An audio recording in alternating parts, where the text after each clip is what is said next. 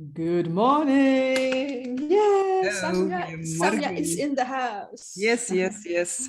Na een korte onderbreking. Yes, uh, je zijn er weer. Inderdaad. Ah. Ben wel content.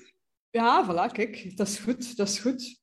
Ja. Ik, heb, uh, ik heb deze keer eens een, uh, een vraag. Ik was uh, laatst aan het chatten met iemand die ehm, de, de wereld een beetje negatief bekijkt, laat ik het zo zeggen.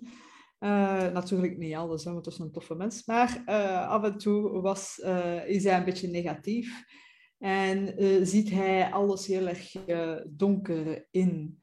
En ehm, ja, ik vroeg mij af, zo Oké, ik denk inderdaad dat we nog pittige tijden tegemoet gaan. Ik weet niet hoe dat dan bij jou zit, maar ik denk dat we daar inderdaad nog uh, wel wat pittige tijden tegemoet gaan. Nu is uh, de zomerperiode hier en mensen gaan ervan uit dat alles in orde is, spijs en vrij. We zijn allemaal gezond en wel en, en dit en dat. En dat is inderdaad...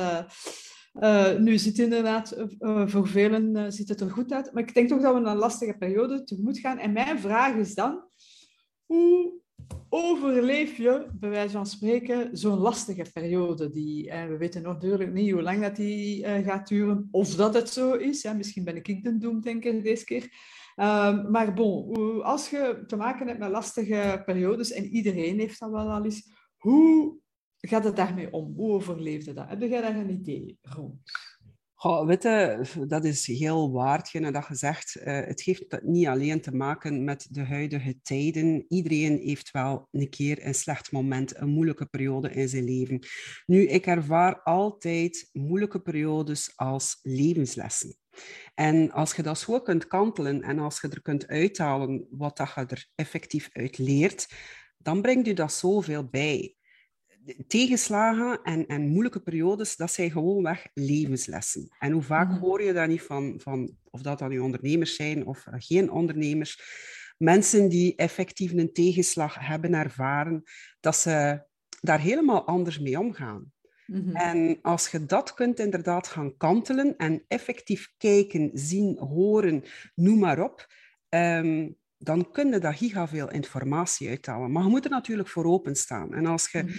in een hoekje gaat kruipen eh, tijdens je tegenslag... eh, Pas op, dat wil niet zeggen ehm, dat je even tot rust moet komen. Nee. Gelijk met een tegenslag dat je hebt, ehm, trekt je jezelf wat terug en ga dan gaan reflecteren. En zo ga ik om met tegenslagen. Dat is Ja. ja, die levenslessen. Hè. Ja. Ja, want allee, ik, eh, er, zijn, er natuurlijk verschillende manieren om ermee om te gaan. En ik hoor ook graag de mening van de kijkers of luisteraars. Ehm, maar een van de zaken, en we hebben dat in de vorige, in vorige podcasts eh, of, of oh, filmpjes hier, Facebook Lives, al wel eens eh, gezegd. Eh, wat ik een hele interessante is, van, eh, dat is de vraag stellen, what else can this mean? Hè?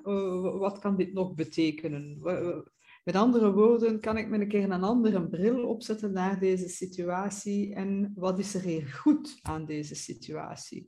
Zal wel zitten volledig in de penarie en ehm, eh, zit in een shitty situatie of is het lastig? Heb je iemand verloren bijvoorbeeld? Hè? Ehm, of heb je een belangrijke deal met een klant eh, die niet doorgaat, whatever, wat het er ook mogen zijn. Er is altijd wel iets goeds aan een situatie, zelf al kun je dat op dat ogenblik even niet zien, maar door er gewoon al een keer stil te staan, wat jij zegt, te reflecteren en te gaan nagaan. Maar bon, wat is er hier eigenlijk goed aan deze situatie? Of wat zou er hier goed kunnen zijn aan deze situatie? Kan ook al wel, eh, wel helpen. Hè? Ehm, bijvoorbeeld als je kijkt naar eh, die, die een deal die niet doorgegaan is, ja, dat is misschien wel eh, shitty, omdat dat uw belangrijkste klant was en gaat daar al uw, eh, weet ik veel, uw pijlen op gericht. Maar doordat die niet doorgaat, komt er misschien wel ruimte vrij voor een nieuwe opportuniteit. Ik zeg maar wat. Hè. Ehm, ook het verlies van iemand of een scheiding, ik zeg maar wat, dan, oké, op dat ogenblik is dat misschien helemaal misschien niet uw idee en jij wilde niet scheiden. Maar dan kan het ook wel weer zijn van, kijk, uh, laat ons ook eens naar een, op een andere manier kijken. Ik had dat bij, mij, bij het verlies van mijn kat. En een kat is natuurlijk iets helemaal anders dan een mens verliezen en, uh, of een scheiding. Maar ja, dat was ook zo mijn, uh, mijn favoriete beestje. En ik was ook wel helemaal in zak en as. En dan heb ik me ook afgevraagd, ja, wat is er hier ook positief? En dan zat ik te denken van, ach, ik heb eigenlijk dat beestje, dat was een geweldig beestje.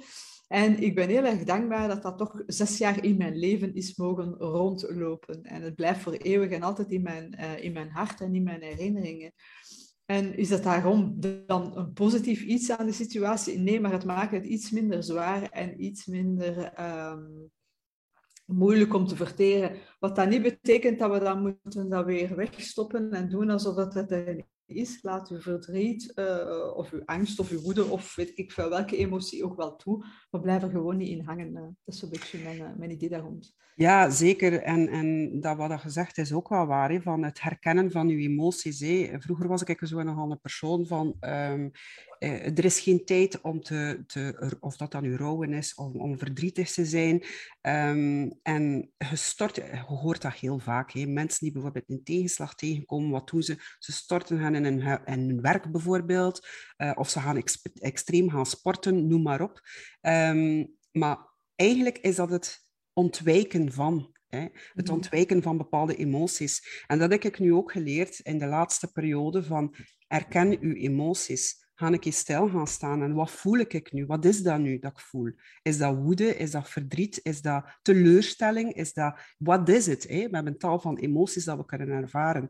En als je dat kunt herkennen, dat lukt toch althans voor mij, als je dat kunt herkennen, dan um, dan geeft u dat de nodige energie en de nodige kracht om die volgende stappen te gaan zetten.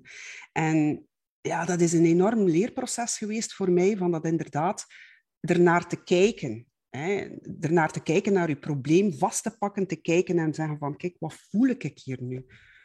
Mm-hmm. En het inderdaad te voelen, hè, toe te laten, want ik was ook de nummer één. We hebben denk ik al eens in een van de afleveringen gehad de nummer één om dan ja, goed weg te stoppen. Kom, we hebben geen tijd inderdaad om hè, voortdoen. Er zijn altijd ergere dingen in de wereld. Er zijn altijd mensen die het veel erger hebben dan ik. Dus hè, laten we maar verder doen. Want ik wil toch echt niet het slachtoffertje zijn. Maar dat, iedereen is wel eens een slachtoffer. Het enige wat dat je best vermijdt, is dat je in een slachtofferrol blijft hangen en dat je daar begint op te teren. Want dat heb je ook sommige mensen... Uh, teren daar bijna op. Hè. We vinden dat onbewust plezant om slachtoffer te zijn. Hè. Dan moeten ze ook minder verantwoordelijkheid nemen. Hè. Dat is ook de aandacht. Hè? Mm -hmm. aandacht ja, is dat. En dan vraag ik me altijd, wat heb je het liefst? Hè? Dat je medelijden krijgt omdat je slachtoffer bent, of dat je respect krijgt omdat je toch na de nodige periode van rouw of weet ik veel wat, de stappen zijn uh, die nodig zijn om, om uit, de, uit de slachtofferrol te geraken. Maar nogmaals, hè, voor de ene is dat misschien gemakkelijker dan een andere en no offense. Hè, dus uh, iedereen is, heeft daar wel eens last van. Dus ik denk gewoon, laat het toe, blijf er gewoon niet, uh, niet in hangen. En in de mate moeilijke situatie, want die, die man die was aan het bezig over, ja, en dan de dystopische wereld die op ons afkomt. Um, we gaan uh, niks gaat meer zijn zoals het is en we gaan alles kwijtraken zoals het, uh, zoals het was. Hè. Dus da daar kwam het zo'n beetje op neer. En um, ik, ik, zeg dat, ik zeg eigenlijk, ik weet niet hoe dat jij de, de toekomst ziet. Hè. Ik heb geen glazen bol, ik ben niet Madame Soleil, maar ik denk altijd van, kijk, er zijn twee, twee tijdslijnen mogelijk waarschijnlijk een, eh, een, een veelvoud, maar goed, om het even zwart-wit te zetten, twee tijdslijnen. Je hebt een positieve tijdslijn en een negatieve tijdslijn. En voor mij de negatieve tijdslijn is uh, als uh, Klaus en Gates enzovoort hun goesting krijgen en dat we helemaal verzanden in een controlemaatschappij waar er geen vrijheid meer is. Hè? you will own nothing. Dus dat is de negatieve tijdslijn. En de positieve tijdslijn is, is helemaal het omgekeerde. En dat is dat we van die oude machtsstructuren die er bestaan, die toch in, in heel veel gevallen, zo niet alle gevallen, totaal corrupt is, dat we daarvan af zijn. Hè? Dat het volk opstaat en wakker wordt, bewust wordt en zegt van mannen, we doen hier niet meer aan mee. En dat we dan in een hele mooie wereld zitten. Maar wat er ook van zij, ik vind dat het, we gaan verliezen wat dat we vroeger hadden, probably. Hè? Het is, de wereld is nu al niet meer hoe dat het was uh, voor corona. Uh, maar wat ik wel belangrijk vind, is van kijk, in... Uh, in het is belangrijk dat je concentreert op, ja, het is niet meer wat het was, maar het was ook niet goed. Dus het is, je behoudt de dingen die je goed vindt en je laat los wat dat er niet goed was.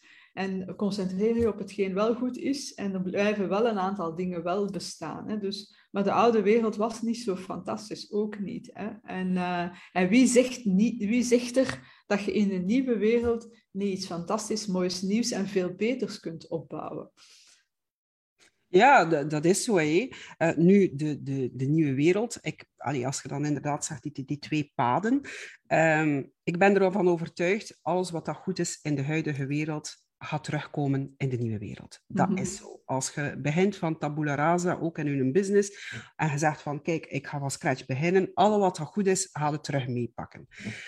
Um, maar ik denk dat wij als, als persoon, en zeker de bewuste mensen, uh, of de wakkere mensen, whatever je dat het wilt noemen, um, dat zijn andere prioriteiten dat gesteld. En ik heb dat ook enorm, enorm gemerkt bij mezelf, van het materialistische is voor mij bijvoorbeeld al minder belangrijk geworden. Wat dat mhm. vroeger wel belangrijk was. Hè. Mhm. Dus uh, ik, ik, veronderstel dat je dat ook nog gehoord hebt hè, in een van andere salescursussen, uh, dat ze zeggen van... ik, heb, ik heb zelfs nog klanten gehad die een, een, een andere auto gingen gaan huren, hè, om bij die een andere klant te gaan, dat ze zeiden van, het oog heeft ook wat. Hè? Dus uh, dat materialisme. En als ik dan nu terug aan denk, dan is dat dus zo van... Wat de hel? Je dat nu? Dat, dat strookt niet meer met mij. Ik zeg niet dat ik er vroeger mee akkoord ging, maar dat, dat wordt echt zo heel helder. Hey, klerenmakende man, hè? hoeveel keer horen we dat niet? Als je gaat gaan solliciteren of als je een bepaalde klant wilt binnenhalen maakt dat je, je aangepast is aan het type klant dat je wilt binnenhalen. En dat zijn dus overal die zaken van just be yourself. Ja, dat is toch een goede waar we het inderdaad ook eens volgende keer over uh, kunnen hebben. Hè? Dus, want ik krijg daar inderdaad wel uh, Sommige mensen zeggen inderdaad, je kunt ook moeilijk gaan solliciteren in, uh, in, een, uh, in uw short. ja, dus uh, is te zien, misschien als je voor een surfclub gaat solliciteren. Dus inderdaad een bepaalde mate van respect, maar inderdaad, ja, be yourself. En, en, en wat je zegt over dat materialisme, want dat was die man ook aan het zeggen. Hij zei, ja, we gaan geen luxe meer hebben. En ik zei tegen hem, ik zeg, maar wat is luxe uiteindelijk? Ik zeg, ik vind het dus geweldig luxueus dat ik hier, dat was gisterenmorgen, ik zat op mijn terras hier in de Provence, dat ik hier op mijn terras in de Provence uh, met u in de zon kan chatten, met mijn koffieke aandrinken. Dat is, dat is luxe. En dat is natuurlijk ook luxe omdat ik een huisje heb in de Provence. Maar uh, zelf al was dat niet van mij. Gewoon in de zon met een koffieke kunnen een fijn gesprek voelen met iemand hè, die, je, die je plezant vindt, die je aangenaam vindt. Dat is ook luxe. Hè? Dus, uh, dat, dus oké, we pakken even dat spel van de Provence er niet bij, maar dat is ook luxe. Wat is luxe uiteindelijk? Hè? Moet je al die luxe hebben? Moet je zo'n grote wagen hebben? Moet je 100 uh, schoenen hebben en 50 zakosje? Nee, nee. Nee, zeker niet. Uh, zeker niet. En, en Allee, als je dan natuurlijk, als je dan natuurlijk overgaat, bijvoorbeeld naar, eh, terug naar klerenmakende man, als vrouw zijn we geneigd inderdaad eh, voor die verpakking, eh, voor die verpakking schoentjes te maken. Um, maar uiteindelijk is de essentie wat dat er binnenin zit. Mm-hmm. En voor mij is dat, als ik, eh, dat merk ik nu ook de laatste twee jaar, uh, tijdens heel dat proces, dat ik omringd ben met zoveel fantastische mensen. Die warmte, voor mij is dat ook luxe. Als je in een bepaalde shit-situatie zit, dat je kunt uh, uh, beroep doen op je vrienden en je familie, dat is voor mij luxe. En dan mag mm. ik gelijk wat hebben in de wereld, bij wijze van spreken. Dus gewoon een chique bak voor de, voor de deur. Dat heb ik trouwens niet voor alle duidelijkheid. Maar bon, eh, dat, dat materialisme is van... Weet je, ze kunnen nu alles afpakken. Ze kunnen nu alles afpakken. Maar de warmte en al hetgene wat je geleerd hebt in je leven, dat kunnen ze u niet afpakken. En voor mij is dat luxe. Mm -hmm. Inderdaad. Amen. Amen. dus voilà, dus inderdaad een beetje herdefiniëren als je in zak en as zit. Uh, eigenlijk komt het wel inderdaad neer van neem even, even de tijd om te, te kijken naar de, naar de probleemsituatie uh, die zich voordoet. En uh, durf inderdaad te voelen, durf de emoties uh, te, te laten zijn. en durf dan uit de slachtofferrol te, te stappen en te kijken, oké, wat is hier nu wel positief aan? Wat is er nu wel belangrijk en wel goed in mijn leven? En als je daar eens durft naar te kijken, als je durft te gaan zien van ja, wat is nu echt belangrijk in mijn leven? Uh, waar heb ik echt iets aan? Wat is inderdaad echt luxe? Dan denk ik dat je tot heel andere vaststellingen gaat komen uh, dan dat dat bij mij ook hè, vroeger het geval was. Dus, uh, en blijf trouw aan uzelf. Yes, absoluut, absoluut. Lieve mensen, we zijn natuurlijk benieuwd ook wat dat jij daarvan vindt. Uh, vertel eens, hoe gaat jij om met lastige situaties? Wat vind jij luxe? Laat het ons weten. En als je nog een vraag hebt die, we, die je graag wilt die wij oplossen, uh, stuur ze ook uh, door. Dan, dan moeten wij zelf niet altijd vragen liggen uit te vinden. Ah ja, inderdaad. Alright. En give a thumbs up. Deel het met de mensen die er baat bij kunnen hebben. Uh, abonneer op de kanalen. En uh, dan zien we nu volgende week opnieuw. Yes, yes. Ciao, ciao. Bye, bye.